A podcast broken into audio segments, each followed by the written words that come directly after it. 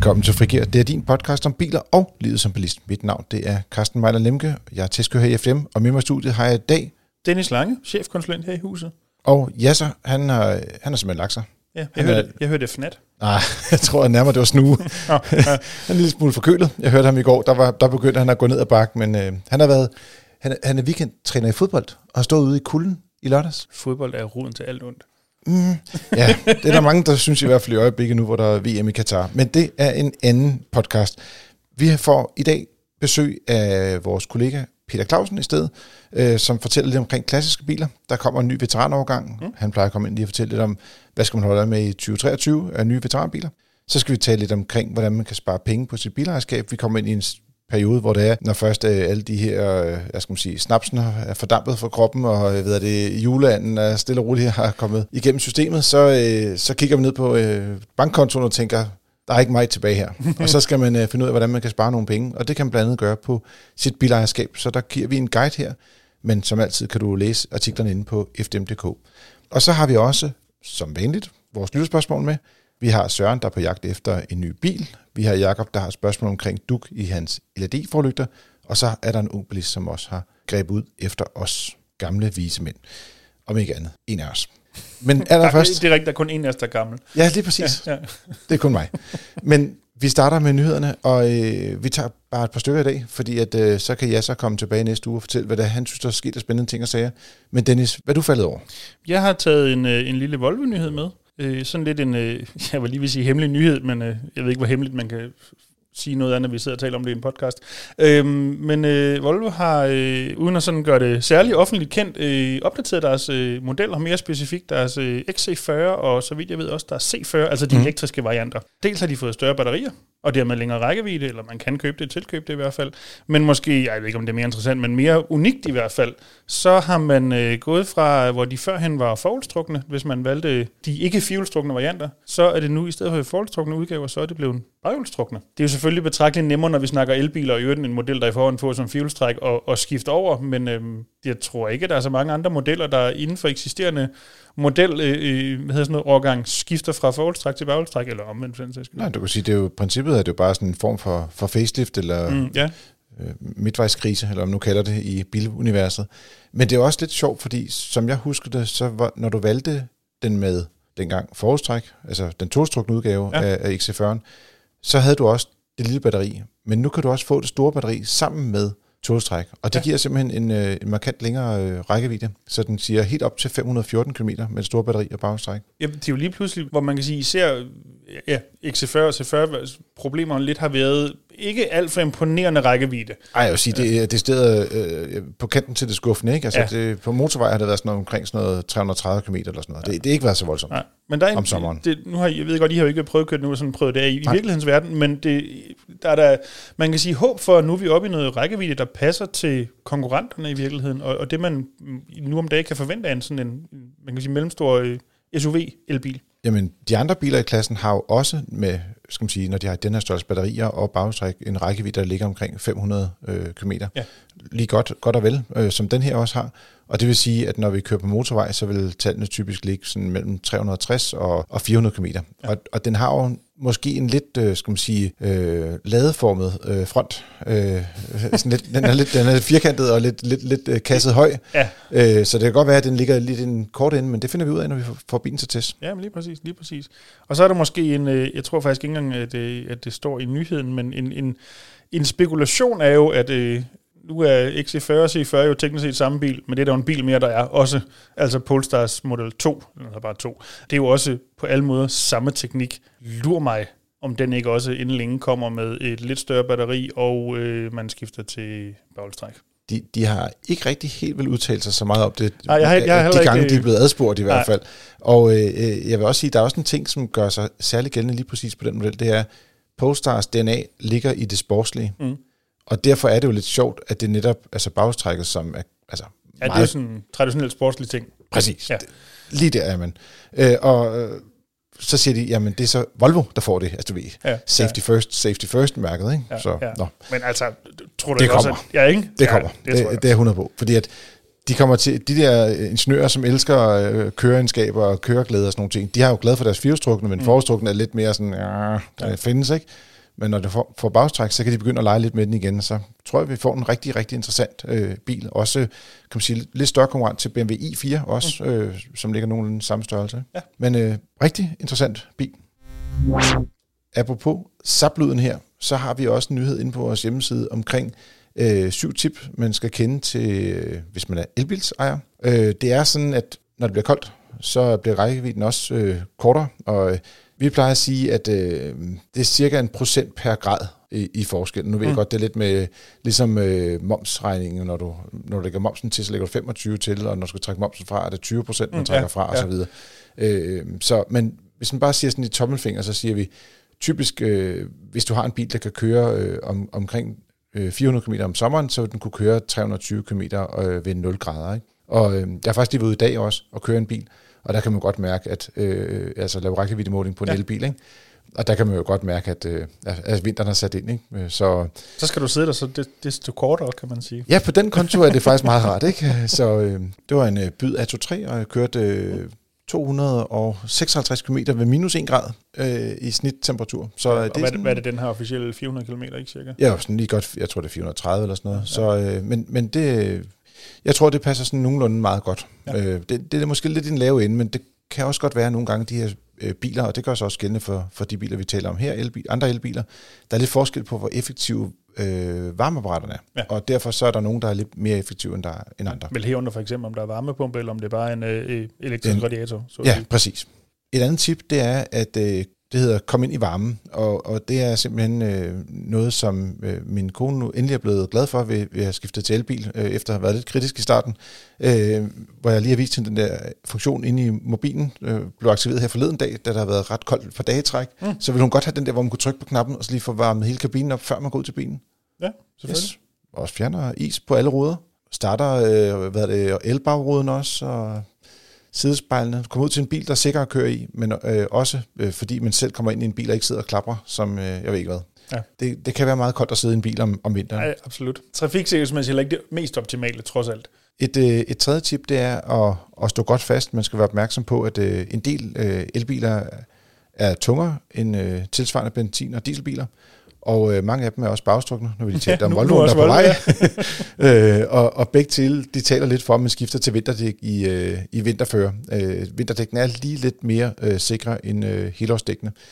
Øh, og så skal man også være opmærksom på, at, at dækkene og, og fældene er, øh, skal man sige, kan bære den vægt, der er i, øh, i elbilen. Det gælder især de elbiler med store batterier så er der også en andet tip. Normalt så plejer man at, at sige, det er en god idé at køre med regenerering, når du, når du bremser, øh, fordi så, øh, altså når du slipper speederen, så er det ligesom om, der kommer noget motorbremse. Mm, ja. Men her der øh, siger vi, om vinteren kan det være en god idé at, og ligesom at slå det lidt ned, fordi du risikerer også, at den, den laver lidt ekstra øh, skal man sige, øh, opbremsning på, på bagaksen og foraksen.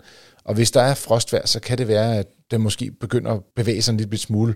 Mm. Øh, det er ikke det sted farligt, men det er måske mere, at man synes, at det ikke er så behageligt at køre med i virkeligheden.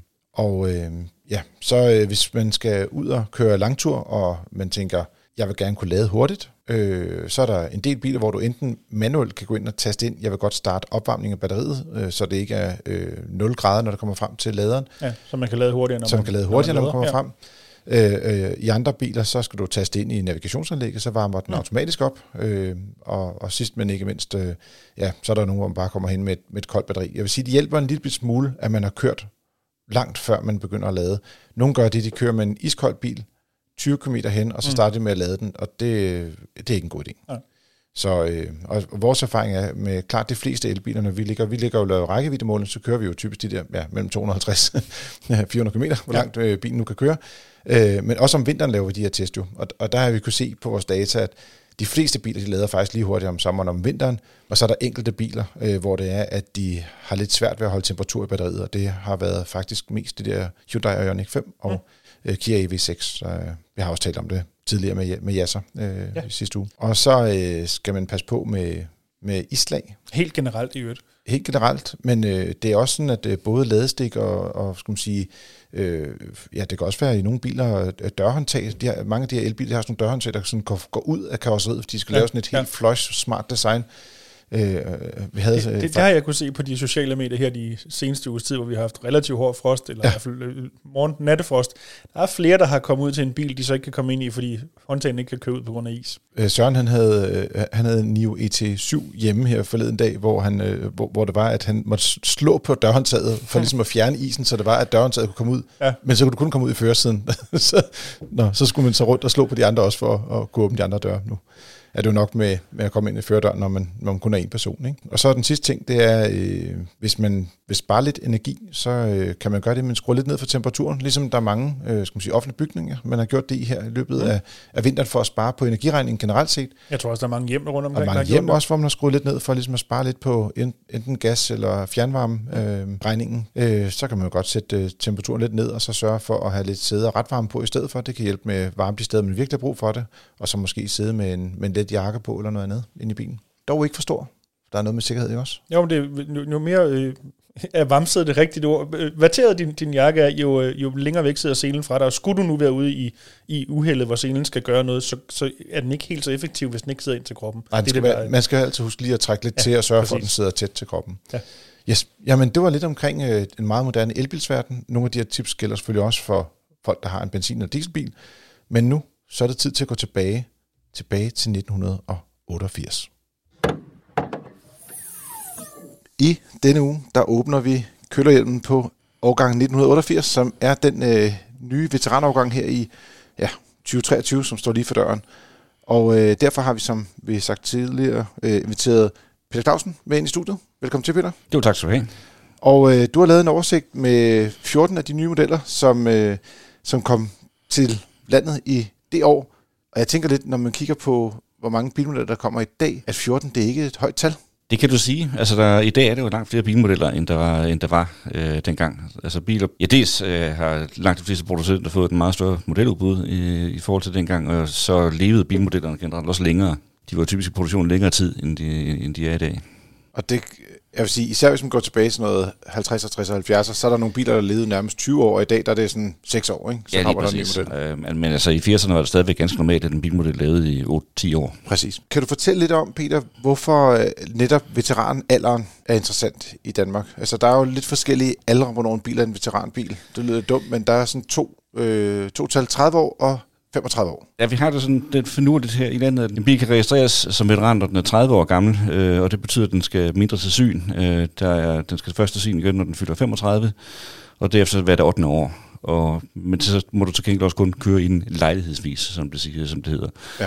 Øh, men når bilen fylder 35 år gammel, så går den ned på kvart øh, vægtafgift, og det er noget, de fleste mennesker godt kan mærke på deres budget, hvis de vil have sådan en hyggebil ved siden af. Samtidig med, så er der også nogle øh, særligt lempelige regler øh, for registreringsafgift, hvis du importerer en bil fra udlandet, når den fylder 35 år gammel.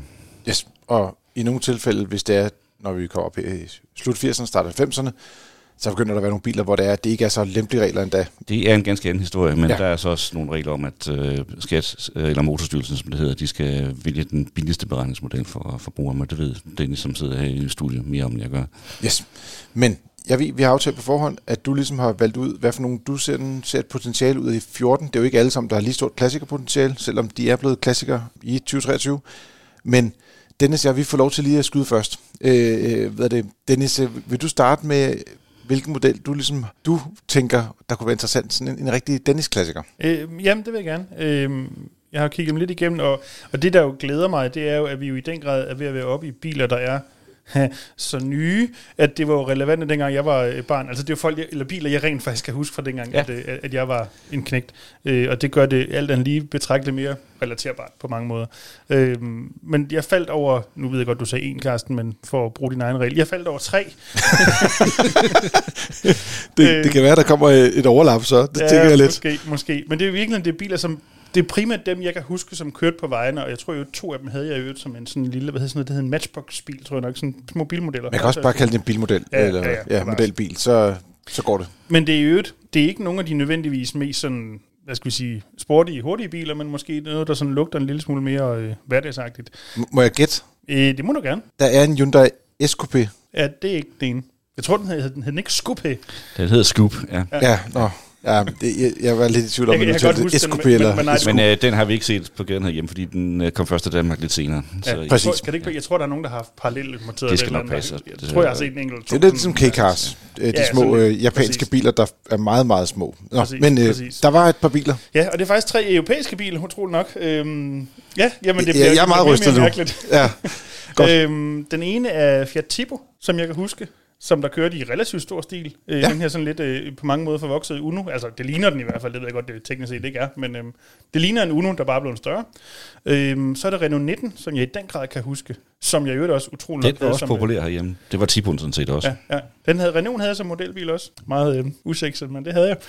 Øh, Renault 19 var jo den første Renault, der blev årets bil i Danmark. Det er også fuldstændig korrekt, og den Ja. ja. er også den, den, den første lidt større Renault, som kom til Danmark øh, efter en årrække, hvor Volvo, som importerede Renault dengang, kun ville have den lille Renault 5 til Danmark, fordi mm. øh, de større modeller konkurrerede med deres egne modeller. Mm. Ja, det kan vi ikke have. Nå, Og den sidste, Og den sidste? der har jeg måske, ej, jeg ved ikke, om jeg har snydt lidt, øh, den som Peter har hævet frem, og det er jo også noget med årstal at gøre, det er Volvo 440, mm. og bevares, det er muligvis nok mere 480'eren, altså den lille tredørs coupé-agtige sportsudgave, som kronprinsen havde, det er måske mest derfor, jeg kan huske det. Det er den, jeg mest kan huske det, men det er jo samme modelfamilie, om ikke andet. Så ja, Ja. ja, men den kom faktisk lidt tidligere. ja den kom ja, Ja, et eller det, to år ja, før, ikke? det kom to år tidligere, 480'erne. Ja. Nå, jamen, øh, så øh, for at blive lidt i, i hvert fald den europæiske del, fordi der, altså, der, er- der er en af dem, men jeg er ret sikker på, at Peter han har valgt øh, BMW Z1 som en af fremtidsklassikerne. Zu- Zukunft 1, som den står for Z1. ja, præcis. Men øh, så Meget spændende bil. meget spændende bil, kan vi nok, tænker vi vender tilbage til, ikke Peter? Men øh, jeg vil øh, pege på BMW 5-serie E34, for den kom frem lige omkring, øh, altså, vi er i 88, øh, jeg føler 14 år. En af mine venners far fik sådan en, som M5, og dog, det var den facelift udgave, så det var lige tre år senere, men det er stadig den samme generation bil. Og jeg kan bare huske, det var bare helt sindssygt med den model. Det var så heller ikke hver øh, mand for at få sådan en M5 dengang, vil jeg sige. Det var en temmelig kostbar bil. Ja, nå, men den, øh, den endte også med at blive stjålet. Øh, øh, vi boede på det tidspunkt, mine forældre boede i Belgien, så, så det var lidt nemmere, fordi der ikke rigtig var nogen afgifter på bilerne, og han var direktør i eget firma og sådan nogle ting. Det hjælper også lidt på det. Ja, absolut. Men, øh, og, og det bliver lidt pinligt der. Den var faktisk ikke en facelift udgave, fordi den var, havde den der grimme, øh, øh, skal man sige, de grimme nyere, den faceliftede udgave.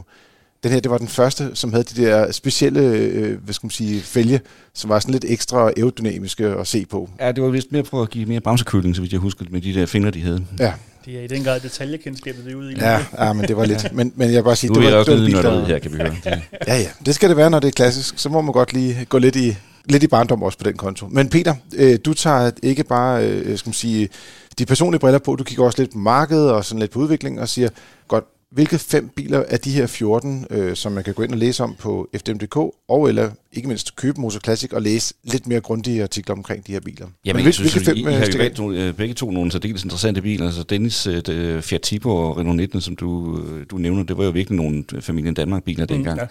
Og virkelig populære biler. Og Fiat'en var jo øh, på mange måder et stort spring fra, øh, frem for, for mærket, fordi den øh, var bedre rustbeskyttet end så mange andre tidligere Fiat'er. Øh, ikke at den ikke rustede, for det gjorde den. Det tror jeg, der er mange tidligere ejere, der godt kan skrive om, hvor den gjorde. Men det, Det- var en, det var, det, var, det var en stor og rummelig bil til prisen. Den var, jo- den var betydeligt større end for eksempel en Volkswagen Golf, som den konkurrerede med. Også Renault 19, som lå i samme prisklasse. Og Renault, ja, den har vi allerede været inde på. Den var et øh, stort spring frem for Renault. Den var en enorm stor sælger. Den blev årets bil i Danmark, som Carsten nævnte, og den øh, var i mange år den mest solgte importbil i, i, i Tyskland, så det var virkelig en, en bil, der betød noget på det europæiske marked dengang. Så er jeg også glad for, Carsten, at du nævner BMW Z1, fordi det er jo en af de mest spændende biler, der efter, i mine øjne øh, kom i 80'erne. Den udspringer af et øh, lille projekt, skal vi sige et sideprojekt, som BMW havde. Øh, de oprettede et lille datterselskab, der hed BMW Teknik i midten af 80'erne, hvor de hyrede nogle af de mest krøllede hoveder i øh, bilindustrien til at tænke fuldstændig ud af boksen. Og der var ikke noget, der ikke var øh, så tosset, at man, øh, at man ikke kunne sætte det i, i produktion simpelthen. Der var, der, var, der var ikke nogen grænser. Det viser den bil også i allerhøjeste grad, fordi den har nogle, en afsindig spændende dørkonstruktion. Det er ikke noget med, at du åbner dørene. Det er heller ikke med døre. De forsvinder simpelthen ned i sidepanelerne på bilen, og du trykker på en knap. Og du kan køre rundt med åbne døre i bilen, og det er fuldt ud lovligt at gøre det. Jeg har prøvet det. Øh, det. Det blæser lidt ind i kabinen, når man gør det, men, øh, men det, det giver en helt anden fornemmelse af at køre åben, fordi du kan sidde og kigge ned på asfalten på en, på en anderledes Præcis. måde, end jo, man kan du, i andre du biler. får en helt anderledes intens øh, for, fornemmelse. Jeg er den heldige situation, det er kun er nogle måneder siden, øh, jeg havde chance for at køre sådan en BMW Mercedes, og den kører faktisk også egentlig godt også. Den, er, den har en dejlig motor, den er styrer skønt, og den vækker også virkelig opsigt. Det er virkelig en spændende bil. Altså, den var også nyskabende, fordi karosseriet er lavet af nogle øh, kunststof, øh, eller kunstige materialer, som var nyskabende, som virkelig dannede skole i bilindustrien. Ja, du kan sige, det, det var ikke bare endnu et metalkarosseri. De prøvede Nej. virkelig at eksperimentere med øh, overfladen på øh, karosseriet på bilen. Det gjorde den nemlig bus også med selve og de der øh, kunststofplader var monteret på en, øh, et svejset stålkarosseri, som var galvaniseret med en ny teknologi, som dels gjorde det meget øh, modstandsdygtigt mod rust, og som også øh, gjorde bilen meget stivere. Så det var på mange måder en, en, en vejvisende bil for industrien. Og så, ikke mindst skal vi også lige huske på, 2,5 liters motor, 6 cylinder, manuel gearskifte. Ja, og 170 hestekræfter var rigtig meget i 1988. Jamen, det er jo den motor, der kommer fra, fra 325'eren øh, i samme periode. Netop, ja. Den her, skal vi kalde det måske lidt ingeniøragtige dørløsning, den er der vel aldrig nogen, hverken før eller siden, som har gjort efter. Nej, Nej. Det, det er der ikke. Nej. Ja, jeg tror ikke rigtigt, at de helt store praktiske årsager til, at man gjorde det, men, men det var fedt. Fordi man kunne. Ja, fordi man kunne, ja. Og det skal der også være plads til en gang imellem. Jo, jo, bevares. Så findes den også i en øh, lidt speciel udgave. Jeg er nødt til lige at halvgoogle det her, for at være helt sikker. Jeg er ret sikker på, det er Schnitzler. Schnitzer? Ja. Schnitzer. Ikke snit. Der, snit, ikke Schnitzel. Tysk BMW ZX Schnitzer, ja. yes, men øh, de er lidt mere svære at finde, og jeg synes at huske, da jeg har søgt efter den her bil, altså rigtig mange gange, vil jeg sige, øh, den er ofte i grøn, når den kommer fra Schnitzer. Så, øh, nå, så hvis der er nogen, der siger, Det er det de har alt for mange penge, så kan de Sæt købe et sådan en. hele tiden en sjælden bil. Der er kun lavet 8.000 af dem, og det er altså ikke ret meget.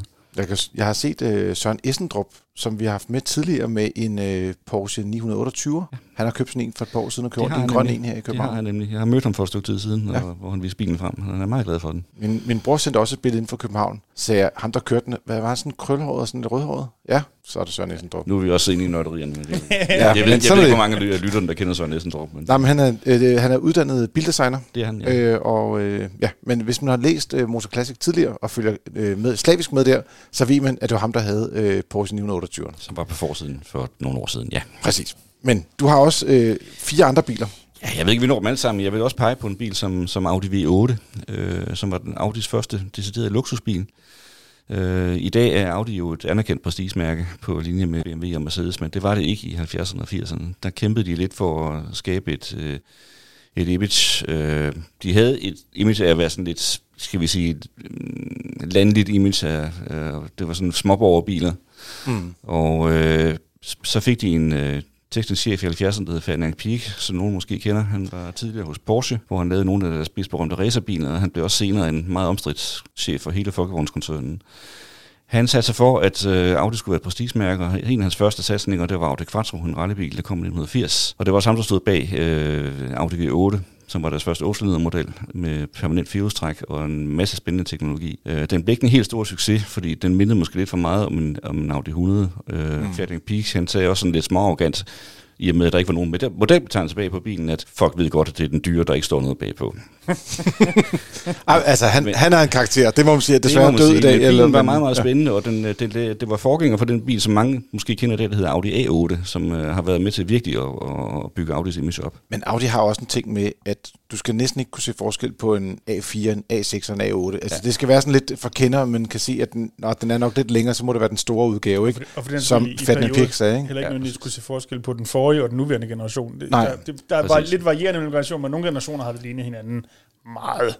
Apropos, hvis man går lidt ud i de der øh, mennesker, som bor i de landlige omgivelser, hvor alle snakker om, hvad andre har og sådan noget, så kan det være meget smart at have sådan en bil, som ingen tror er noget særligt, men Ja. i virkeligheden er det. Og også Volkswagen Phaeton, som jeg også mener ja. var en Pirk-konstruktion, ikke? Han, Eller øh, ideen. var, han, han, var, han var chef for Volkswagen, da, Ja. ja. da den blev konstrueret. Ja. Og Lupo 3 liter. Ja. Mm. Hos Porsche var det 917, deres helt store racerbil. Jeg synes Ja. godt, der er masser af øh, Pirk-aftryk her i den automobilverden. Peter, var der en sidste en, måske du lige kunne sådan fremhæve? Sådan Jamen, altså, jeg vil det godt øh, i den lidt anden ende af, af hvad hedder det, spektret, ved at pege på en bil, som jeg synes er meget bilhistorisk interessant, men som vi ikke, ikke rigtig fik at se herhjemme. Jo, vi så fik dens forgænger at se i et vist øh, omfang, men ikke lige præcis den sidste her.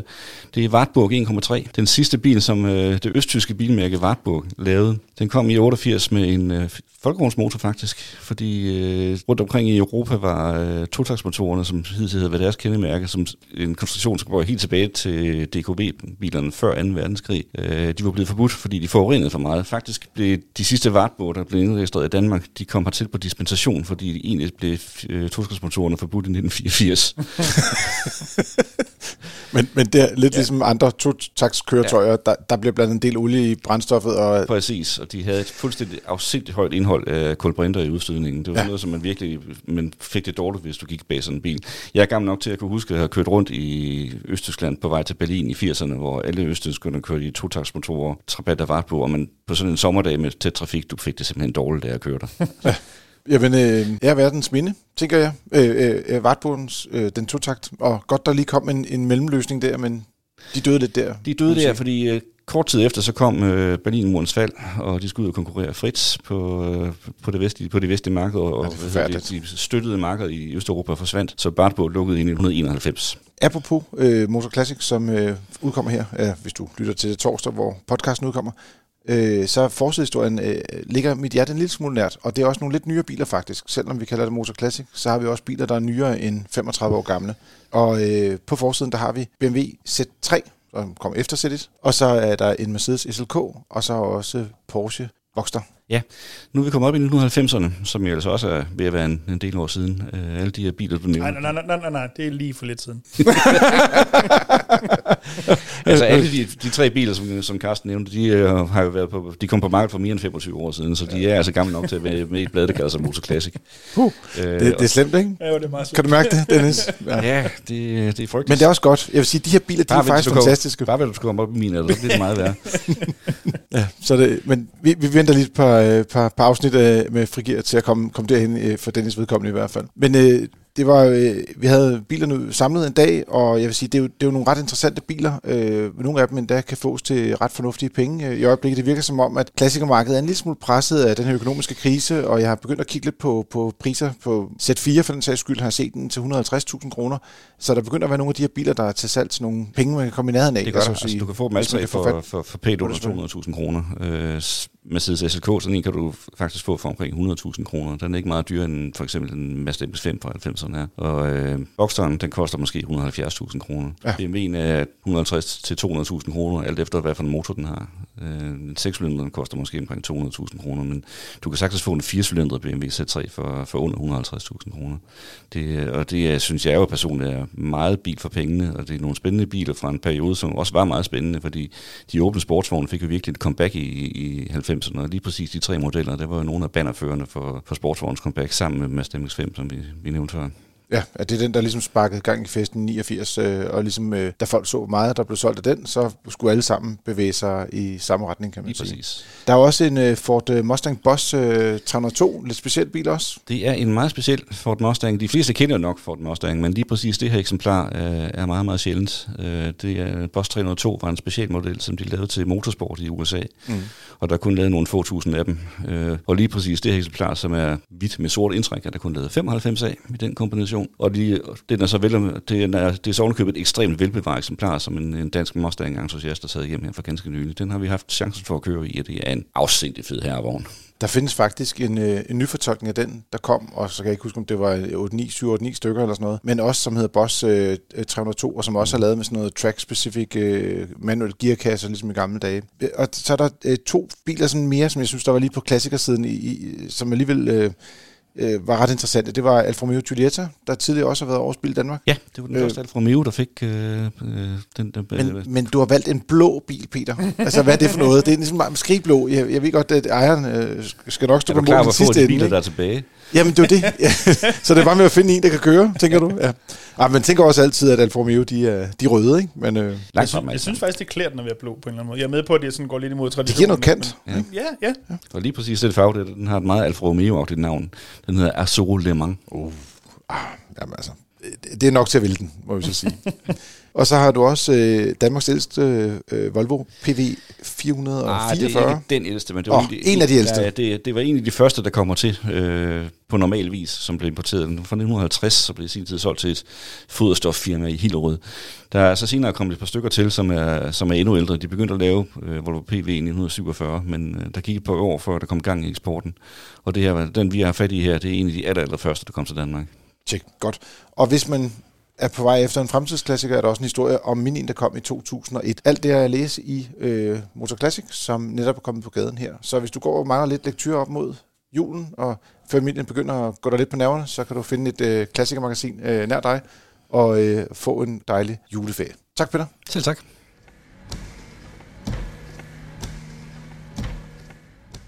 Så fik vi visket alle de klassiske biler væk fra, fra tavlen her, og så er det tid til at tale omkring bilbudget.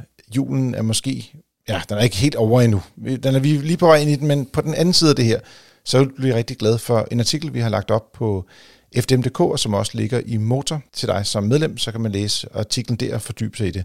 Det handler selvfølgelig om, at man skal spare øh, på sit bilejerskab, og groft sagt, øh, jeg vil sige, der er nogle ting, hvor man kan sige, hvis, hvis man vil spare på bilejerskabet, så er det en god idé måske at sige, om man kan nøjes med en mindre bil. Ja. Råd nummer et, køb manden. Det er det, det, det, du siger.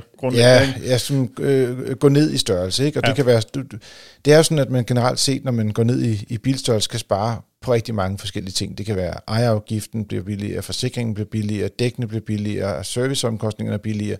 Øh, brændstoffet bliver også billigere, eller altså det bliver ikke billigere, men du skal bruge mindre penge på at købe Ty- benzin, når de ja. kører længere på literen, eller diesel ja. for den sags skyld. Øh, og værditabet vil også, det er lidt mere afhængigt af, hvad skal man sige, prisen på bilen, men hvis du køber en bil, der har samme alder som den bil, du har nu, øh, så vil bilen, de mindre biler også typisk være billigere i indkøb, og dermed vil værditabet også være lavere. Alt andet lige, så øh, er der noget Rentebyrde, ja. finansiering og alt det andet. Altså. Så generelt set, hvis man kan lige gå og overveje lidt om, om man nu man behøver at køre rundt i sådan en Audi V8 stadigvæk, eller Audi A8 for den sags skyld, som vi talte om før.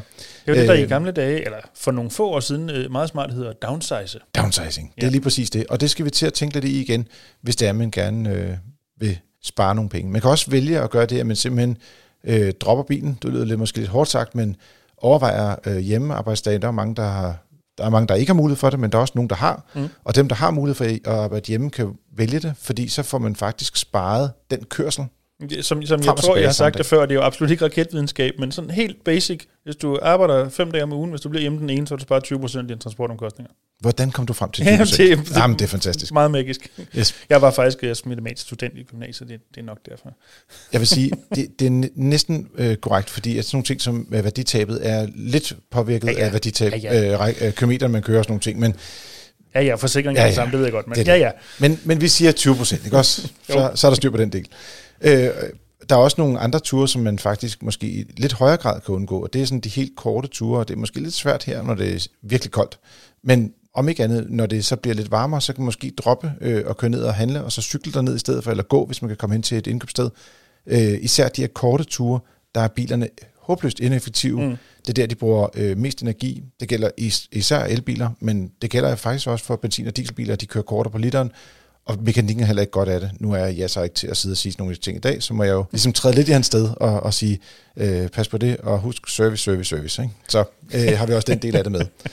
Men vi springer lige ind i øh, nogle af de punkter, hvor, man, hvor vi kan give nogle tip til at spare, hvis man nu ikke har mulighed for at lade bilen stå til hverdag, mm. men ikke har mulighed for at lade bilen stå for at gå ned og handle i, hvis den lokale øh, brus, den ligger 20 km væk, så er det jo heller ikke rigtig en mulighed at, at vandre, eller jo, cykle kan man måske godt, men så bliver man da i hvert fald, ja, så har man brug for nogle flere guldrødder, når man skal hjem igen, ikke? Jo, men det er rigtigt. Men vi har samlet et par, øh, par punkter og gennemgår bilbudgettet punkt for punkt. Øh, du kan gå ind og læse den komplette artikel ind på fdm.dk eller i Motor, som vi sagde tidligere. Fordi det her, det kan godt blive en lille bitte smule øh, langhåret, men vi skal prøve at gøre det, ja, gøre det så, så karseklippet som muligt, vil jeg sige. Let og, og friskt. Let og friskt, godt. Øh, så siger vi den første, det er dæk man skal passe på med ikke at købe discount-dæk. Det er helt klart vores anbefaling, at man ikke skal spare på den måde, at man køber et dårligt dæk, mm. men det betyder ikke, at man ikke kan gå ud og prøve at få et tilbud. Og det er sådan, at øh, finde ud af, hvilken dæk, der passer til din bil, og som er det bedste. Det kan du se ind på FDM.dk. Der har vi dæk, det er sådan lidt, det er åbent for alle.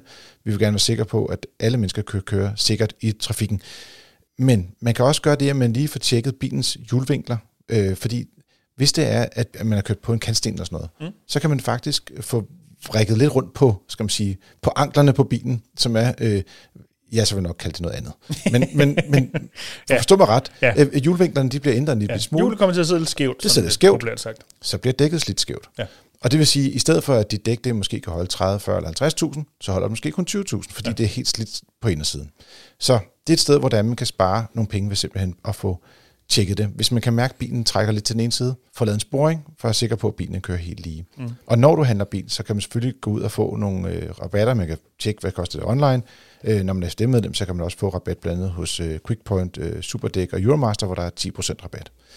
Og så går vi videre til noget med vedligeholdelse. Er det en, du kan... Skal jeg sige lidt om den? Ja, du plejer bare at sige serviceaftale, serviceaftale, serviceaftale, når vi taler Igo. ja, lige, lige den. Øh, det er den eneste bil, jeg nogensinde har haft det på. Men øh, ja.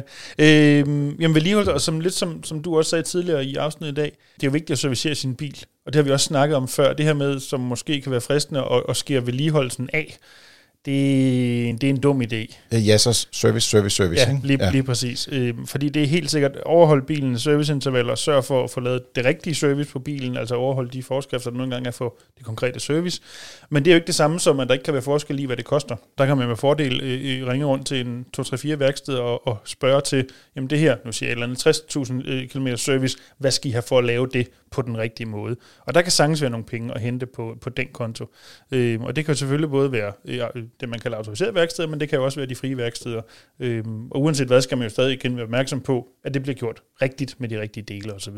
Også ikke mindst, så man har, kan sammenligne den rigtige pris. Vi har også øh, en kollega, som har fået som siger, sendt et service eftersyn i udbud øh, på mærkeværksteder, mm. øh, fordi bilen stadig var under garanti. Og jeg mener, han kunne spare et par tusind kroner på det. Så, ja, så det, det, det kan godt svare sig lige at, at høre lidt for, og måske lige også tjekke ind i nabobyen eller lidt længere væk. Ja, præcis, præcis. Der er helt sikkert noget at hente der. Så er der forsikringen. Øh, det er sådan, at man behøver ikke at være gift med sit forsikringsselskab øh, livet igennem. Øh, der kan man godt øh, springe til og fra, især på bilforsikringen, øh, siger vores økonomiske, politiske øh, rådgiverguru, Elias Drugo. Mm, vi kunne kalde ham forbrugerøkonom. Forbrugerøkonom kan vi også kalde ham. Det er en titel, han også går under. Men han siger, at øh, hvis du kigger på bilforsikring, så er det ret interessant, fordi at dækningerne er ofte ret ensagtige. Mm. Øh, og det betyder, at øh, der er ikke helt så stor forskel på øh, vilkårene, og dermed kan du gå ind og kigge på pris, pris, pris. Det nemmeste det er simpelthen at gå ind på, forsikringsguiden.dk og så øh, indtaste ens oplysninger, ens bil, hvor man bor henne, og så får man øh, simpelthen nogle beregninger på nogle forskellige øh, ja, forsikringer der er derude, øh, og så er det bare hug, til. Der, der, hvor det er billigst, der øh, kan godt være måske 500 eller 1000 kroner at spare om året, men det er jo også en del, når det er, at vi skal sidde og, og ligesom skære små lunser af jo, jo, bilbudgettet. Jo. Og en gang imellem kan man jo også være heldig at så ringe til sit eksisterende selskab og sige, nu skal I høre, jeg har fået et tilbud på det her, vil I matche det?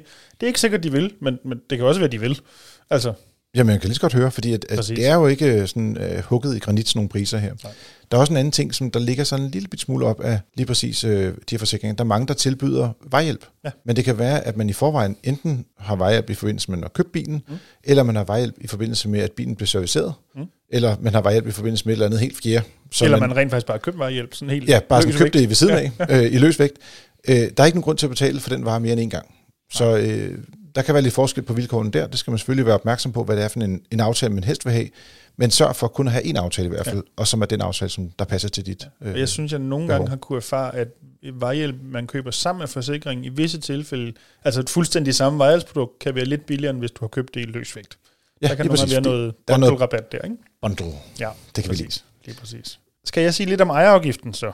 Øh, det er jo sådan et af de der steder, hvor man som sådan ikke rigtig kan spare forstået på den måde. Det kan man ikke bare ringe til skat og sige 10 procent? jo, det kan du godt, men det hjælper overhovedet ikke. Øhm, så, kigger de, så kigger de på resten af dine din skattepapirer.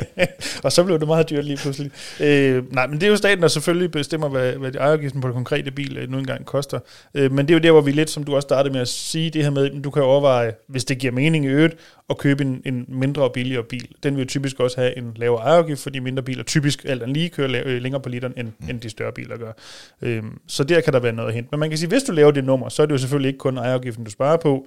Hvis bilen går længere på literen, så sparer du også på brændstoffet, fordi du kommer længere på literen. Og man kan sige, det, jeg vil sige, der hvor den især bonger ud, det er de personer, som har en ældre dieselbil mm. uden partikelfilter med høje udligningsafgifter. Vi har set nogen, der har måske sådan, øh, ejerafgifter årligt på omkring 15.000 kroner. Det er ikke helt urealistisk at komme derop omkring. Og så kan jeg så pege over på, hvis du tager en, mikrobil eller elbil, så ligger de nede omkring sådan noget 800 kroner om året. Ikke? Jo, jo så, eller, eller lidt under. I så fald er det ikke 330-40 stykker, der er den laveste tak, hvis nok halvårligt. Ja, og gange to. Og, ja, præcis. Men, men de er, der er hele tiden lidt justeringer rundt omkring. Ja, ja, ja, vi, vi, ja, ja. Jeg plejer at kigge sådan over en femårig sigt. Jeg tror, at den billigste ligger på sådan lige 780 over fem år eller sådan noget i, i snit. Så er der finansiering. Øh, der, kan man, der er mange måder, man kan låne penge til sin bil på. Og øh, det er jo ikke altid det så opportunt, når man allerede er i gang med et, øh, et lån, fordi hver gang så er der nogle stiftelsesomkostninger, mm. man skal lægge om osv. osv. Men, og lige, lige i øjeblikket vil jeg også sige, det, det er ikke der, hvor folk siger, at jeg skal have taget et ekstra lån i mit hus, eller du ved, generelt set er renterne sådan lidt, lidt hårde. Ja. Men det kan også være, at man har et variabelt lån på et, øh, et billån, og renten på det lån lige pludselig er begyndt at gå meget hårdt opad. Mm. Så tjek lige om øh, det, man kalder øh, den samlede omkostning på penge, altså årlige omkostninger i procent, øh, om, om det er fornuftigt, eller om der er en alternativ måske i at lege en, bo, øh, låne nogle penge i en bolig i stedet for. Øh, Ja, ja, og der det, kan man sige, det er i hvert fald, hvis igen vi er tilbage til det der sådan lidt øh, overordnede gyldne øh, råd om at købe en billig bil. Hvis du gør det, så, og du skal ud og låne pengene, ja. så er det her, hvor der er, virkelig kan være nogle penge at hente, når du skal etablere lånet. Og hvis du skal ud og forhandle, så er det typisk rente, man kan forhandle hos, når man er ved banken, mm. og vil have et, lån, et billån i banken. Men hvis du skal ud til en bilforhandler eller et finansieringsselskab, så er det etableringsomkostninger, man skal gå ud og ligesom at være en hård hund på, som udgangspunkt i hvert fald. Ja, lige præcis. Øhm, hvis jeg, vi kigger på måske lidt mere de der, sådan, skal vi kalde løsvækst-ting, øh, sådan noget som øh, bilvask og parkering, der kan jo rent faktisk også være, øh, være penge at spare. Jeg så lige, øh, apropos tidligere dag, en øh, Facebook-reklame for et øh, unavngivet selskab, hvor øh, teksten var, at øh, hvis du vasker bilen øh, hver dag, så kan du spare så også meget ved at vaske den ved os. Øh, lad mig starte med at sige, lad være med at vaske bilen hver dag. Så har du sparet rigtig mange penge. Ja. det tror jeg ikke, der er nogen, der gør her et stort set. Måske nogle taxaer, ja, taxa, her, men det er vist også det. Ikke? Øh, men ja, du kan selvfølgelig stadig spare penge i det hele taget på at, at vaske bilen øh, sjældnere, eller måske endda til ligefrem gør det selv. Mm. Jeg ved ikke, hvor fedt det er, når nu det er frostvejr, så skulle jeg i hvert fald ikke stå derude med våde fingre. Øhm, og det er måske heller ikke super optimalt i det hele taget at vaske bilen, hvis det sådan er rigtig frostvejr i hvert fald. Mm. Øhm, men ja, så er der jo øh, parkeringsdelen af det. Øhm, det er jo dit, dit favoritområde. Ja, den nemme måde er jo, øh, lad være med at parkere ulovligt. Der kan du spare flest penge i hvert fald. Det er et godt sted at starte. Ja, lige præcis. Men en af, en, ting, en af de ting med ulovligt, det er jo, at folk, der glemmer at sætte deres p-skive. Ja, det er jo en, en, en klassiker. Øh, og det er jo altid, en, det synes jeg i hvert fald, en god idé at have en elektronisk p-skive, som stiller mm. sig selv. Fordi så skal du ikke huske på at gøre det. Øh, ja, bevares, det kan også øh, kikse en sjældent gang imellem, men jeg tror, øh, det opvejer de gange, hvor man har glemt det, eller ikke lige får set, at man holder et sted, hvor der er tidsbegrænset. Jeg tror, den sidste, jeg har købt her, øh, lige i forbindelse med, med bilhandlen, mm. øh, der var batteriet skulle leve mindst 10 år, og den selv stiller mellem sommer og øh, vintertid, eller hvad man nu ja, kalder ja. de tidszoner. Øh, det er bare sådan skud over, holder, den holder øje med alting. Altså, det er bare sådan ja. et, ved du hvad, sæt den i, jeg kommer ikke til at have en bil i 10 år, tror jeg ikke. Så det er bare sådan et put den i, og, og, og så lad være med at spare penge på at købe en dårlig en, som ikke kan finde ud af noget som helst. Enig. Så risikerer du at få en, en bøde på øh, 700 kroner lige pludselig, og så dyre er de p-skiver altså Nej, nej, nej. Bare lov mig, du lige husker at tjekke efter, at datoen jo er sat rigtigt felt, så skifter den ikke de der sommer- og vintertider på det rigtige tidspunkt, og så kan det også godt blive dyrt. Check. Så man skal huske at indstille det korrekt og ja, købe et, lige, øh, et godt produkt. Lige præcis, lige præcis. Øhm, og så er der jo selvfølgelig også nogle steder, hvor man decideret skal betale for at parkere, altså trække p-billet. Øh, nu gør man det jo mest elektronisk typisk mm. nu om dagen, men ja. Det lyder godt. Øhm, der kan jo selvfølgelig være nogle steder, hvor man bare ved at køre få hundrede meter ekstra rent faktisk kan parkere gratis. Øhm, det er måske værd at tage med. Øh, hvis man har en elbil, jamen, så er der de flere af de større byer, hvor man på en eller anden måde kan parkere øh, gratis. Det kan også gøre en, øh, gøre en forskel. Øhm, og hvis man er en af dem, som mig selv, der bruger en, øh, en, en app, mobilapp til at betale mm. med, så øh, altså, det kan på lange mange måder være en jungle, og det er svært at sige, at den her app er altid den bedste, for der er ikke en, der er altid den bedste eller Nej. billigste. Øh, men start der med at, at gå efter dem, hvor du er helt sikker på, at du kun betaler for den tid, du parkerer dig, og for eksempel ikke per påbegyndt time. Jeg er faktisk ikke sikker på, at der er nogen af dem, som standard gør det mere, men jeg vil heller det ikke... Var det, en gang. det var der engang. ja. ja. Øh, men øh, ja, Øhm, hvis du har overskud til det her, så, så tjek prisen i flere apps, øhm, hvad det egentlig koster. Der kan være nogle få kroner at hente der. Øhm, ja. Vi har øh, tre apps, øh, jeg vil ikke sige det er anbefalinger, men i hvert fald nogle, man kan tjekke ud. Ja, det er øh, lidt afhængigt af, hvor man parkerer hen, og hvad for nogle, der kan være billigst. Det kan være ja, Apcoa Flow, ja. så kan det være Easy Park, og så Park Park. Ja, men der er også andre derude, som for eksempel Parkman og OK har en app også, og Park One har en også. Der, der er en par håndfulde sådan i rundetal at vælge imellem. Som sagt, det står dit nært hjerte. Hjertenært hedder det. så er der den værste post i hele øh, universet, øh, bilejerskab, det hedder øh, værditab.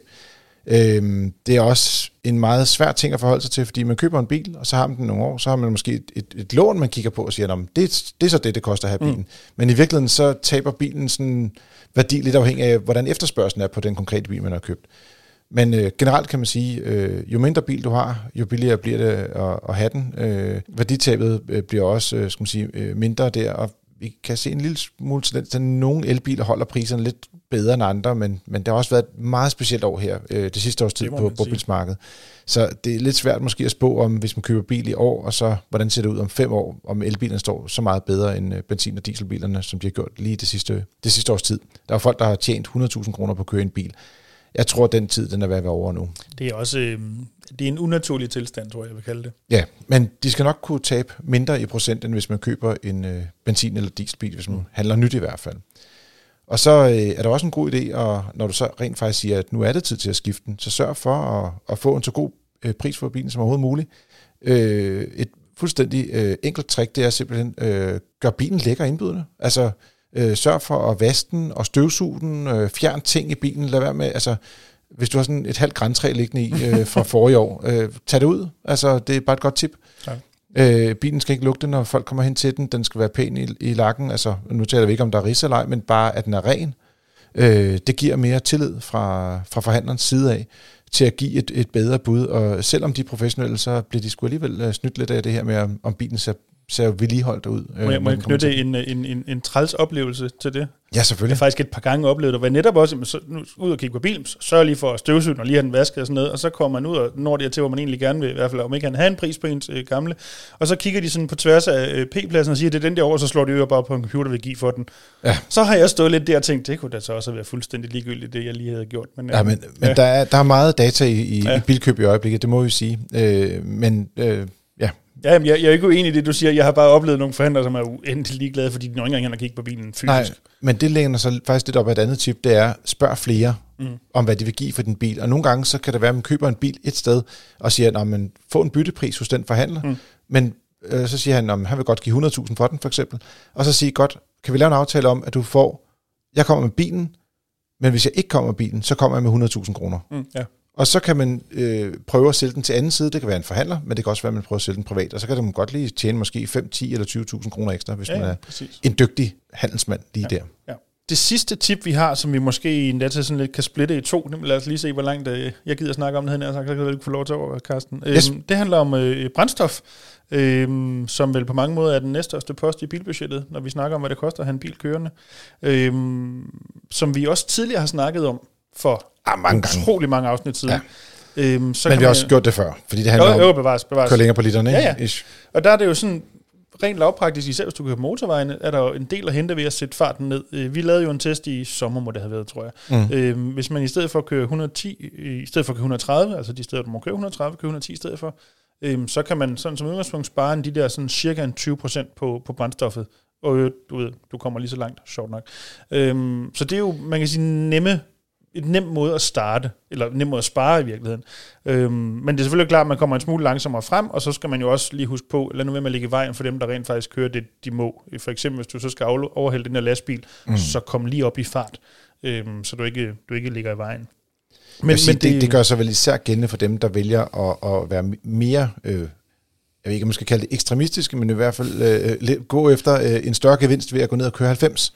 Jo, jo. øh, hvor der jo også er en, en besparelse, hvis du godt kører 90 km på motorvej, men, men lad nu være med at overhale med, 90 overhale med 90, når lastbilerne kører 88. Ikke? Ja, det, ja, det vil præcis. være, altså, øh, det er jo til far for alle. Ja, præcis. Men jeg vil sige, selv bare når du kører 110, hvor du må køre 130, hvis dem bagfra kommer 130, skal du ikke bare Mm. kaste dig ud med 110 og, og holde den der. Altså, kom op i fart, så du ikke er i vejen. Øhm, sådan helt lavpraktisk. Og så kan du køre den lave hastighed i øvrigt. Man kan også tænke lidt over, hvilken vej man kører øh, til hverdag. Øh, for et stykke tid siden, så begyndte øh, Google at opdatere deres app i, mm. i Google Maps. Ja. Og så kom der sådan nogle små, øh, øh, nærmest, jeg ved ikke om blomster, i hvert fald nogle blade på, skal man sige, du kan vælge den her som er den grønne vej. Øh, og, og i starten tænkte jeg, ah, det var mærkeligt. Og, men så fandt jeg ud af, nogle gange, så har den faktisk ret. Men andre gange, så vil jeg sige, at det, det, den, den retter lidt spøjst. Ikke? Men, men du ved, man kan, man kan i hvert fald søge inspiration til det, for at, ligesom at tænke lidt over, bare tænk over vanerne. Hvad du går og gør hver dag. Er der et sted her, hvor det er, jeg kan sådan gøre noget lidt anderledes og spare noget? Det kan også være, at man sagde, jamen, øh, jeg kører på motorvej, men jeg kører måske kun øh, øh, 10 km. Så i stedet for at gå op og køre 130 de 10 km, så bare nøjes med at køre 90 og læg, eller læg dig bag ved en lastbil, hvis det er, du virkelig gerne vil spare noget. Det, Ja. ja. det, det gør en kæmpe forskel. Ikke? Øh, men det kan også nogle gange være, at man simpelthen kører en, en rute, som er kortere, og som er på landevej, i stedet for at man kører en lidt længere Ja. Øh, vej på motorvej, øh, og hvor du både kommer ned i hastighed, øh, men du også faktisk øh, sparer nogle kilometer. Øh, og, og begge dele, det giver faktisk øh, en win-win situation, kan man sige. Det er ikke altid det er hurtigere, skal man være opmærksom på. Nej, nej, nej, bevares. Så der bliver man nødt til ligesom at opveje, hvad det er, man gerne vil. Og jeg vil også sige en anden ting, det er, man skal huske på, at de mest sikre veje, vi overhovedet har, det er motorvejene.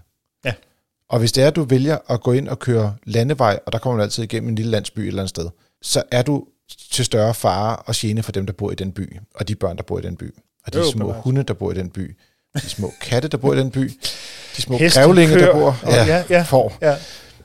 Man skal bare være opmærksom jo- på, men, men ja. ja. når, hvis man begynder at rykke sin trafik ud på de små landeveje og sådan nogle ting, så kommer der nogle andre øh, ting, man skal Jo, være opmærksom bevares. på. Ikke? Men der er jo nogen, altså der hvor jeg for eksempel er vokset op øh, sådan midt på Fyn, øh, ikke så langt fra den fynske motorvej, der løber den gamle hovedvej jo stort set hele vejen hen over Fyn, nærmest lige ved siden af. Og der er der visse situationer, der, altså det giver mere mening at bare blive på hovedvejen, øh, i, i stedet for at skulle ud på motorvejen, mm. og op i høj fart og så videre. Øhm, og det er ikke engang nødvendigvis sikkert, det tager så pokkers meget længere tid, hvis overhovedet. Nej, også fordi at nogle gange, altså den, den, den har jo det med, og nu må du meget gerne rette mig, fordi du er jo trods alt lidt mere fynskendt, end jeg er. Men den, den krydser hele tiden. Ja, det, det, Altså, det er rigtigt. nogle gange ligger den nordfor, og nogle gange ligger den sydfor. Ja, det er fuldstændig rigtigt. Så øh, hvad er det, og, og der er det jo nogle gange, man bare ender med at være tættere på sin destination ved at følge øh, hovedvejen i stedet for at tage Lige, lige, motorvejen i stedet præcis, for. lige præcis. Og så kan man også, øh, øh, når man nu vælger at køre af hovedvejen i stedet for motorvejen Mm. på Fyn, så er det typisk også lidt billigere at tanke. Ja, ja, det er jo det dyreste sted, man kan tanke, det er på motorvejen. Yes. Og så er der en lille bit smule at spare, hvis det er, man vælger at tanke på ubemandede tankstationer. Og så er der den sidste ting, det er, hvis du går ud og køber brændstof, så kan du få nogle øh, rabatter flere steder. Og som FD-medlem har vi selvfølgelig også en, øh, en aftale der. Vi, vi prøver at samle nogle fordele. Øh, Ja, ja. Det gælder om at være, det skal være bedre, billigere og sjovere at være bilist. Og her der er det et sted, hvor det kan være lidt billigere, og hvor det er, du kan få øh, 25-30 øre i rabat hos øh, Shell Q8 og, og F24 med et FDM Shell-kort. Ja. Du kan også spare 2,5% på Shells tankstationer, hvis du bruger dit betalingskort i forbindelse med FDM-fordel. Ja, præcis. Og det kan faktisk i øjeblikket med de benzinpriser, vi har, være billigere Ja, lige så snart af gode grunde, og nu er vi tilbage i det der matematisk student, ikke? lige så snart prisen over 10 kroner, hvor det vil være billigere at få 2,5 procent, end at spare 25 øre, tænker jeg. Jamen, altså, dine, dine gamle lærere, de må simpelthen gå så stolte i seng. Det håber jeg. Det var et par gode tips til, hvordan du kan spare på dit øh, bilejerskab, få lidt flere penge til noget andet sjovt, og eller bare betale for den forbandede gasregning, som vi alle sammen øh, lider under i øjeblikket. Nu er det tid til vores lytterspørgsmål. Du kan som altid sende dem til podcast Vi har fået en mail fra Søren, der skriver, Tak for en god og informativ podcast. Jeg er ude efter jeres syn på, hvilken bil min kæreste og jeg skal have, da vi har nogle lidt specielle krav. 1. Det skal være en elbil, da jeg er en hellig frans på grund af Putin, Katar osv. 2. Den skal ikke bruges til hverdag, da vi begge to cykler på arbejde, men primært i weekendture, hvor vi kører i sommerhus, det er 100 km væk, eller familiebesøg 250 km væk. 3. De bor på Nørrebro, det er inde i midten af København, I den grad.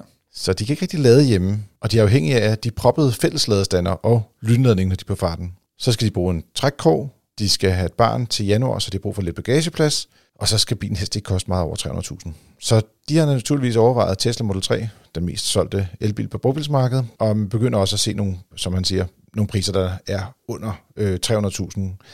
Men han har lidt en udfordring med nogle forsikringspriser, hvor han øh, ja, har fået tilbud fra et selskab på over 26.000 øh, kroner, og det har nok noget at gøre med, at øh, forsikringsselskaberne ikke er så trygge ved en 30-årig mand på Nørrebro, som øh, køber en bil, der kan gå 0-100 på 4,6 sekund. Så de bruger i øjeblikket en øh, delbilstjeneste, eller også låne bil af deres familie, men de kunne godt tænke sig at have deres egen. Det kan forstå jeg egentlig godt. Ja, det er vi jo mange, der kan ikke genkende til. Så øh, de siger, håber I kan hjælpe med at få øjnene op for nye muligheder, så vi endelig kan få en bil og blive medlem af FDM. Søren, du er selvfølgelig velkommen allerede nu. Ja, man, man, behøver, man behøver ikke have en bil for at være med. Man behøver ikke være en bil. Man kan, man kan bare melde sig ind, og så øh, kan man få øh, rådgivning også i den proces nemlig.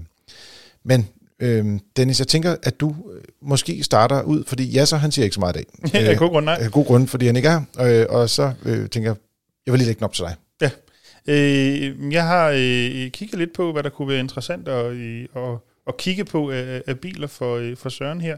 Øh, men inden jeg lige siger det, så måske i virkeligheden en strøtanke. Mm-hmm. Øh, fordi Vejdirektoratet for ikke så lang tid siden, det er knap en måned siden, var jo ude med øh, en nyhed eller historie, sådan noget, omkring, hvad det i virkeligheden koster at have bil, skråstrej delebil, skråstrej øh, lejebil osv. osv. Øhm, Og det er jo fordi, at han selv nævner, at de bruger Green Mobility, tror jeg det er nu, øh, altså øh, delebiler uden fast standplads, som det hedder sådan helt formelt. Ja. Øhm, og bundlinjen er jo, at jamen, hvis du har et relativt lavt kørselsbehov, og du i øvrigt ikke er afhængig af bilen til hverdag, så er det betragteligt billigere at for eksempel bruge Green Mobility eller tilsvarende løsninger, mm. altså hvor du øh, tager bilen på øh, hvad hedder sådan noget, øh, ad hoc, når du har brug for den, end rent faktisk er din egen bil stående. Øh, så hvis man kun kigger på pengene og har de rette forudsætninger, om så, må sige, så kan det være den billigste løsning.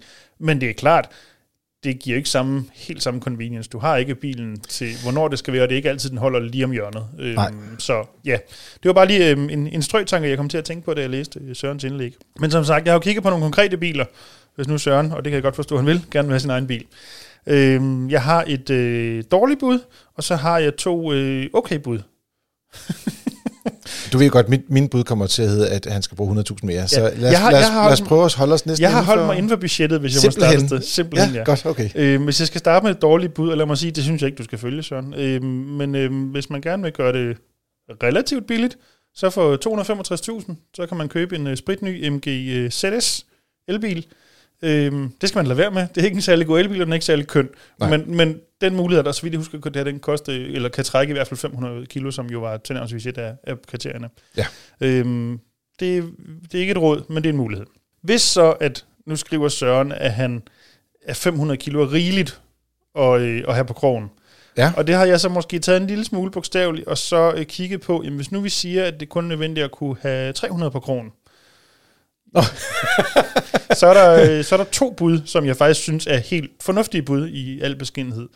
Øhm, det ene bud, det er en øh, brugt Kia e-Niro. Det er Ja. jo en bil, du har en, en eller anden øh, hvad sådan, en afledt forkærlighed for, Carsten, tænker Jamen, det er forgængeren, så den siger jo intet. Præcis. øhm, man Men har ja. en, øh, en Enio fra 2021, øhm, hvor de rent faktisk begynder at må trække de her 300 kilo. Mm. Øhm, den kan man få for cirka 300.000. Der er en, jeg en lille håndfuld at vælge imellem, da jeg tjekkede op på, øh, på brygmarkedet i dag. Altså i min verden, det er en god, solid elbil. Bevares det i forrige generation, men, men det er jo nu engang det, der er, hvis man ikke kan op og lægge en halv million. Øhm, det er en relativt kompakt bil. Øhm, det tænker jeg er meget fint, når man skal parkere ind på Nørrebro. Øhm, men om man også stor nok til, at en familie på tre skulle den nok kunne indrømme, eller jeg ved det, rumme. Ja, på en eller anden måde, ja. Ja, jeg vil gerne medgive, at bagagerummet ikke være den største, men må ikke man Nej, kan få det til at men- gå op i det store billede. Kunne jeg godt forestille. Ja, der, der er lidt der, når man får børn, så bliver man sådan lidt, altså man tror, man skal bruge 6 millioner liter Ja. øh, bagagerum, og det ja. kan man også bruge, hvis man vil, men Ja, ja. Øh, man kan også, øh, altså i gamle dage var bilerne ikke så store, Altså, der findes øh, børnefamilier, der klarer sig med en mikrobil. Det, det. jeg siger det bare. så det, kan, det, det burde kunne lade sig give sig. ja. Og så har den jo så en, en, en pæn, reel rækkevidde. I har jo testet den øh, i rækkeviddemåling i motor i, øh, ja, i hvert fald mindst en gang. Men den, det er jo en af dem, der klarer sig ret godt, ikke mindst prisen taget i betragtning. Præcis. Og fordi det er en ret energieffektiv bil også i virkeligheden. Og det bliver man også glad for i hverdagen. Ja, præcis. Øhm, og så har jeg det andet bud, som på mange måder næsten er det samme bud, fordi det er på alle måder samme teknik, øh, men bare en anden bil, øh, en Hyundai Kona, øh, Tjek. i, i elektrikudgaven, eller elbilsudgaven. Øhm, den er lidt billigere, man kan få den fra en cirka omkring 250 i øh, 21-varianten. Mm. Mhm. Det er også det omkring, du skal opføre, den har- må have træk på, det er de samme 300 kilo, den må, må Mhm. trække. Det er jo samme teknik som e-Nion, men det er jo også en bil, der er lidt mere kompakt, en, en lille smule mindre. Ja, der, Øhm, der, det der, hjælp- der er mindre plads på bagsædet, for Ja. eksempel. det hjælper, når man skal parkere den på Nørrebro, men det kan godt være, at det ikke hjælper så meget, når man øh, skal pakke øh, sig selv øh, i den bedre halvdel og øh, afkommet ind i bilen. Øhm, altså, jeg synes personligt egentlig, at det bedste bud til den pris med de krav. Det var der, jeg ville kigge.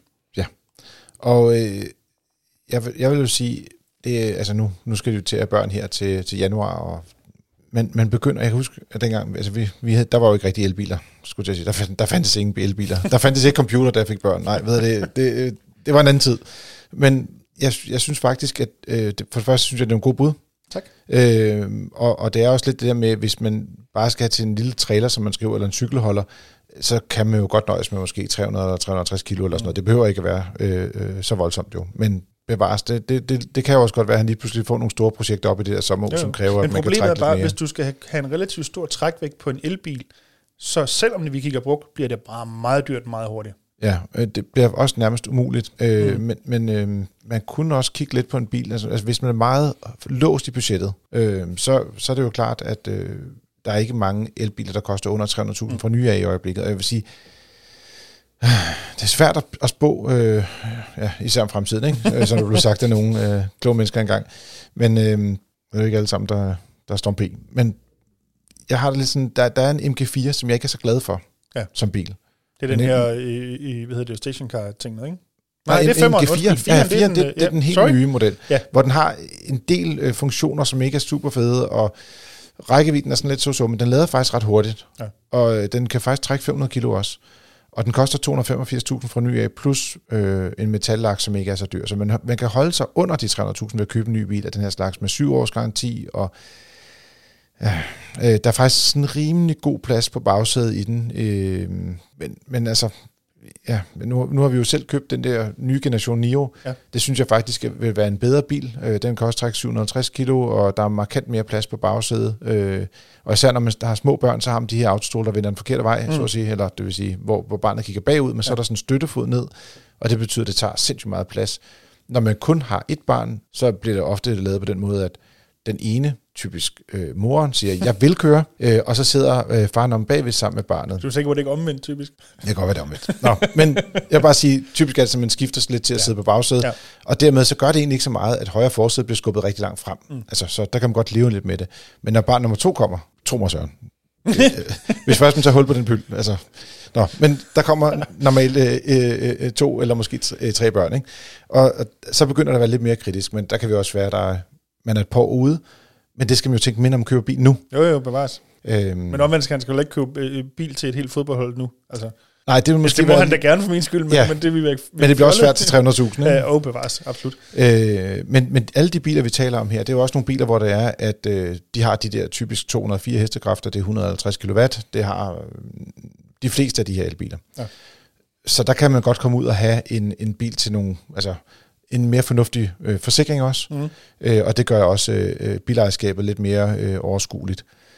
Så øh, jeg vil nok øh, sige, at de, de biler er, er ret fornuftige. De andre biler, der er i den klasse, det er, er sådan noget som øh, Renault Megane Electric, den er for lille på bagsædet. Øh, så er der... Det Øh, bliver også hurtigt for dyrt til budgettet, tænker jeg. ja, ja den, den springer over, men, men ja, det er jo sådan lidt... hvis- Hvis du køber en brugt bil til 300.000 eller en ny bil til 350, altså, så ender Jo, jo, jo. budgettet måske Ja. med at være det samme. Ikke? Ja, jo. Så øh, det var, man skal jo netop huske det her med at regne hele økonomien sammen, Mm. og ikke nøjes med at kigge på indkøbsprisen. Det er jo en, en af de ting, vi går og taler meget om. Men, men af respekt for de cirka 300.000, så er det jo svært at få en, en Nio EV, for den starter på 340.000, ikke? altså for den billigste udgave. Ja, så i, i ny. i ny, og, Ja. og den lader ikke helt så hurtigt, og, og de kommer til at få brug for at have mulighed for at lade hurtigt, fordi at de ikke kan have deres egen lader. Så de bliver nødt til at have den option også, at, at bilen rent faktisk kan lade. Ikke?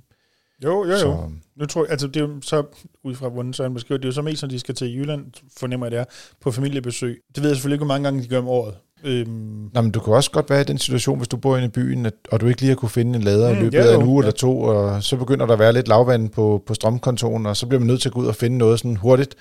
Der er det meget fedt at have en elbil, der rent faktisk kan, kan sparke noget strøm ned i batteriet. det Ikke? er rigtigt, det er du fuldstændig ret i. Også selvom man er en, øh, en heldig frans. Så kan man hoppe, hoppe derover og sidde og hygge sig lidt, og, og se nogle øh, TikTok-videoer, eller hvad man gør, når man er 30 år gammel. Sover, fordi Sover. man lige har fået et nyt barn. Nå, det er rigtigt, man sover. og så må den faktisk godt lade ret, ret langsomt, faktisk. Skat, jeg kører lige over lader, jeg tilbage i morgen. Så Søren, vi håber, at du kan bruge øh, det svar til noget, og om ikke andet, du må godt lige melde tilbage, når det er, du får, får valgt en bil, for selvfølgelig, man skal jo have en bil på et tidspunkt selv. Det er jo klart det rareste. Og elbilerne, når man bor inde i byen, der er der gratis parkering, i hvert fald i øjeblikket. Håber vi, det holder længe. Sådan skal det være. Øh, og der kommer du til at være, være glad for det valg i hvert fald. Ja. Og så kan du lige også måske skrive, når I når så langt, at hvis det bliver en søn, om I så kaldt ham Dennis eller Karsten. Eller i vores fravær jasser. Ah, nej, man kan, hvis man ikke er her, så kan man ikke øh, blive opkaldt efter noget. Vi vil gerne vide, om han hedder Dennis Karsten eller Karsten Dennis. det skal være dobbeltnavn. Vi har også fået en, øh, en mail fra Jakob. Han siger tak øh, for en god podcast. Der bliver ofte diskuteret, hvor meget fugt der må være i en forlygte i Tesla Model Y Facebook-gruppen. Og der er flere meninger om det. Og da jeg spurgte Tesla om mine, svarede de, at det var kun duk, hvilket er helt normalt i LED-lygter på grund af den lave varmeudvikling. Og de først ville skifte den på garantien, hvis der opstod større dråber på indersiden af glasset. Det går også altid væk af sig selv efter noget tid. Men hvad er jeres holdning til dette? Vil en bil kunne gå igennem syn med duk på indersiden af lygterne, hvis man skulle være så uheldig, at det skete, når den skulle til syn? Med venlig hilsen, Jacob selvfølgelig. Ja. Dennis, det- der, der blev sagt noget med noget lovgivning og Ja, ja, noget syn, så jeg, jeg, jeg sætter mig lidt ned. Jamen, det er også i orden, øhm, og det kunne også være, havde så været her, så kunne det sagtens også være ham, der havde svaret på det. Øhm, men jeg kan også godt. Øhm, det er jo helt velkendt det her med LED-lygter, at i og med, at de ikke varmer så meget, som en gammeldags øh, gløde- eller halogenpære gør, øhm, så, øhm, så er der større tendens til, at der kommer duk på indersiden. Øhm, altså de gammeldags pærer brændte det af, fordi der var varmt, sådan lidt populært sagt. Øhm, så det, det er helt normalt, og det er absolut ikke kun i, i en Tesla, at man oplever det, øh, og det er heller ikke kun i elbiler, man oplever det, men det er LED-lygter, der nu engang er sådan. Øhm, og det er der sådan set ikke noget i vejen for, og der sker heller ikke noget ved det, og det er heller ikke en fejl som sådan, øhm, eller overhovedet, så at sige. Øhm, men det er jo klart, at hvis man når derhen, hvor der decideret kommer til at stå vand i lygten, så kan det godt blive et problem. Mm. Øhm, nu skal spørge han så i forhold til syn. Jeg var øh, næsten sikker på det selv, og så bare lige for at være sikker, så spurgte jeg nogle af vores endnu mere kompetente øh, kollegaer, og de var heldigvis også enige med mig. Øh, ja, lige præcis.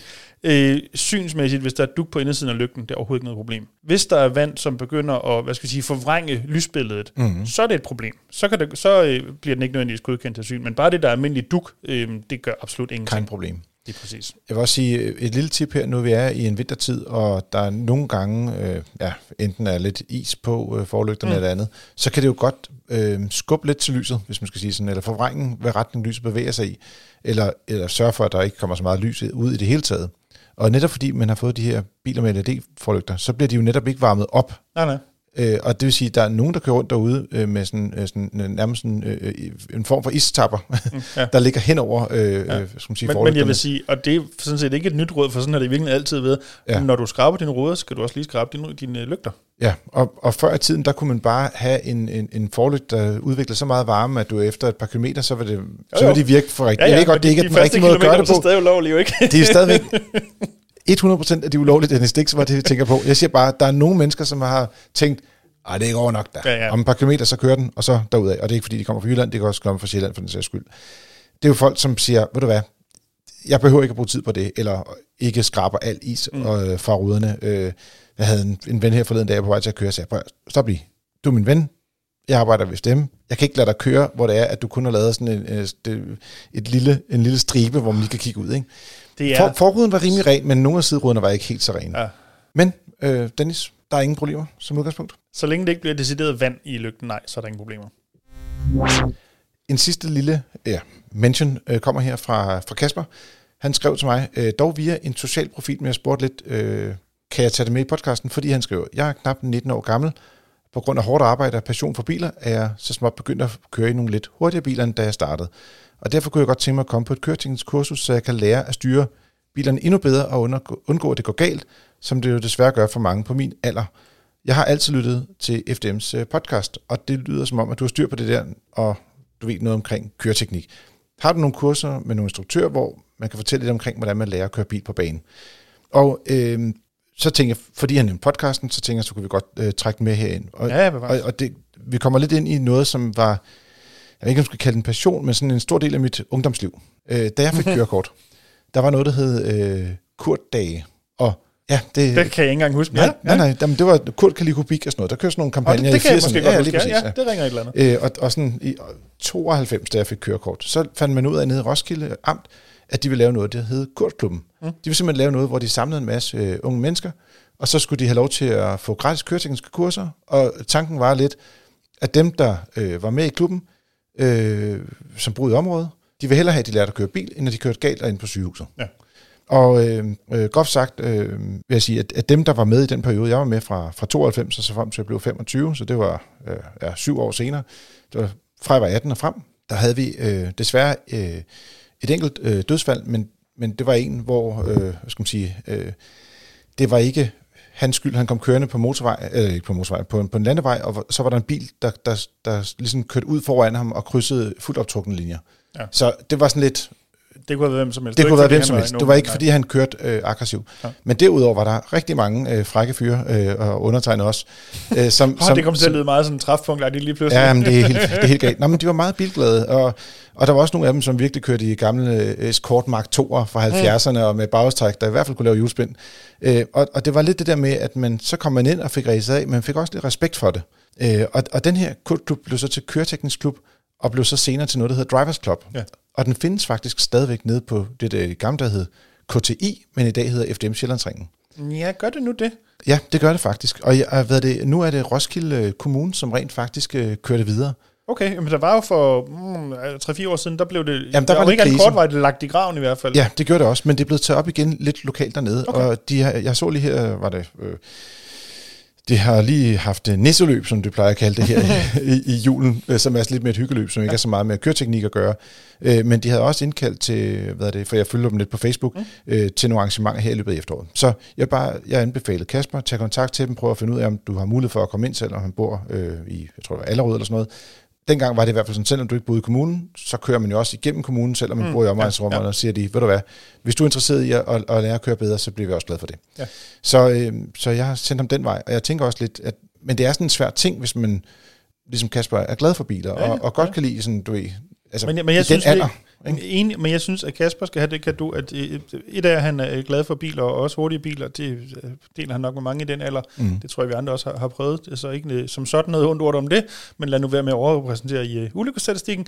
Men jeg synes, det er rigtig, rigtig prisværdigt, at Kasper rent faktisk er bevidst om, at der er et issue her, og rent faktisk tænker over, hey, hvordan kan jeg komme til at, han har sagt, øh, hvad hedder sådan noget, komme af med øh, min øh, energi på et, en sikker måde, eller hvad man skal kalde det. Altså, Ja, fordi at, det, det sjove er nemlig, at alle kom jo ind til det og sagde, om så skulle de ned på banen og sådan lige prøve deres bil fordi det, så vidste det var lidt mere sikkert. Det er klart, de helt røde øh, bilister, som man kalder dem, dem som der er uden for rækkevidde, Ja. dem, dem, dem får man aldrig til at komme sådan et sted. Men du kan få nogle af dem, der er sådan orange eller gule. ja, ja. man kører sjovt nok i sådan noget lyskryds øh, farve her med bilister. øh, øh, men dem kan man faktisk godt kom- komme ind og, og ligesom understøtte og hjælpe. Øh, og, og vi, altså, jeg tror, jeg endte med at være på 18 eller 20 køretekniske kurser over de syv år, og det er jo helt ekstremt. Ikke? Ja, altså, det er jo ingen ja. normale mennesker, der kan finde på at gøre, vel? Nej, det tror jeg ikke. Det tror jeg. Og, og, og det kostede, jeg tror, det var 100 kroner per gang eller sådan noget. Ja. Så det var virkelig små penge. Så Ja. Hvis man kan finde noget i ens område, så kan det anbefales at, at gå i den retning. Og ellers så må man jo prøve at tage på sådan nogle, nogle track days, hvor der er øh, kurser med coaches på, hvor der er, at man ikke bare ligger og kører for sig selv, men der er rent faktisk nogen, der lærer en lidt omkring, hvordan biler de opfører sig. Eller bare ganske enkelt købe nogle af de her kurser, så kommer man måske på nogle hold med flere ældre mennesker, men ja. så kan man måske tage en ven med, eller Ja, to, ja. så man kan have en god dag der. Ja, præcis. Altså det er jo, hvis man ikke er 19, havde jeg sagt, men hvis man er betragteligt ældre, også hvis man er 19, i, både på Sjællandsringen og Jyllandsringen, som jo begge to er FDM's, der bliver der udbudt mm. almindelige kørekurser. Jeg ved godt, der lærer du ikke at køre på bane, men du lærer at køre sikre, og det foregår ved lidt højere hastighed, end da du tog kørekort. Øh, jeg har selv været på to af de her kurser, og altså, jo, jo, bevares, det, det er øh, øh, køreteknik på et lidt højere plan, men det er stadig skide sjovt. Det er jo det. Og man finder også ud af nogle ting om, øh, skal man sige, hvordan bilen lige reagerer, Mhm. mm. øh, hvis du kommer ud i en, en glat koge eller nogle Præcis. andre steder.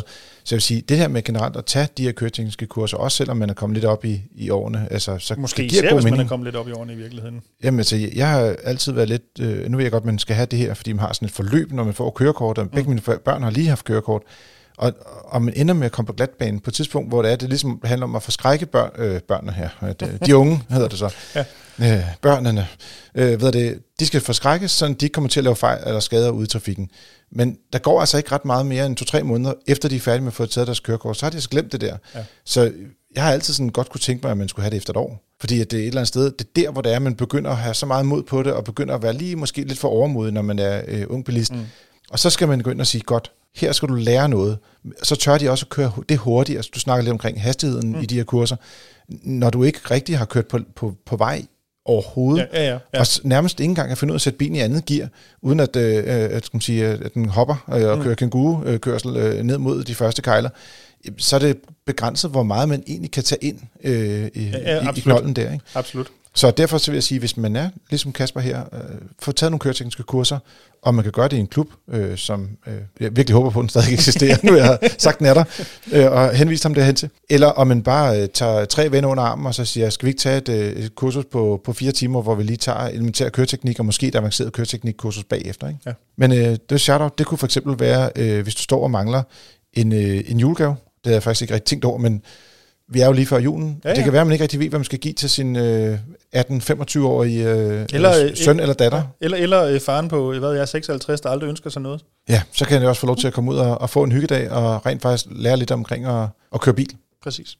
Du har lyttet til Frigær. Det er din podcast om biler og liv som bilist. Husk at trykke abonner ind i din podcast-app, og du må meget gerne anbefale os til dine venner selvfølgelig. Har du et spørgsmål, kan det som altid sendes til podcast Vi ønsker jer så god bedring, Absolut. og tak for godt selskab igen. I lige måde. Og øh, vi skal også selvfølgelig sende en lille tak til Peter Clausen, der var med tidligere. Og til dig, kære lytter, tak fordi du lyttede med, og god tur derude.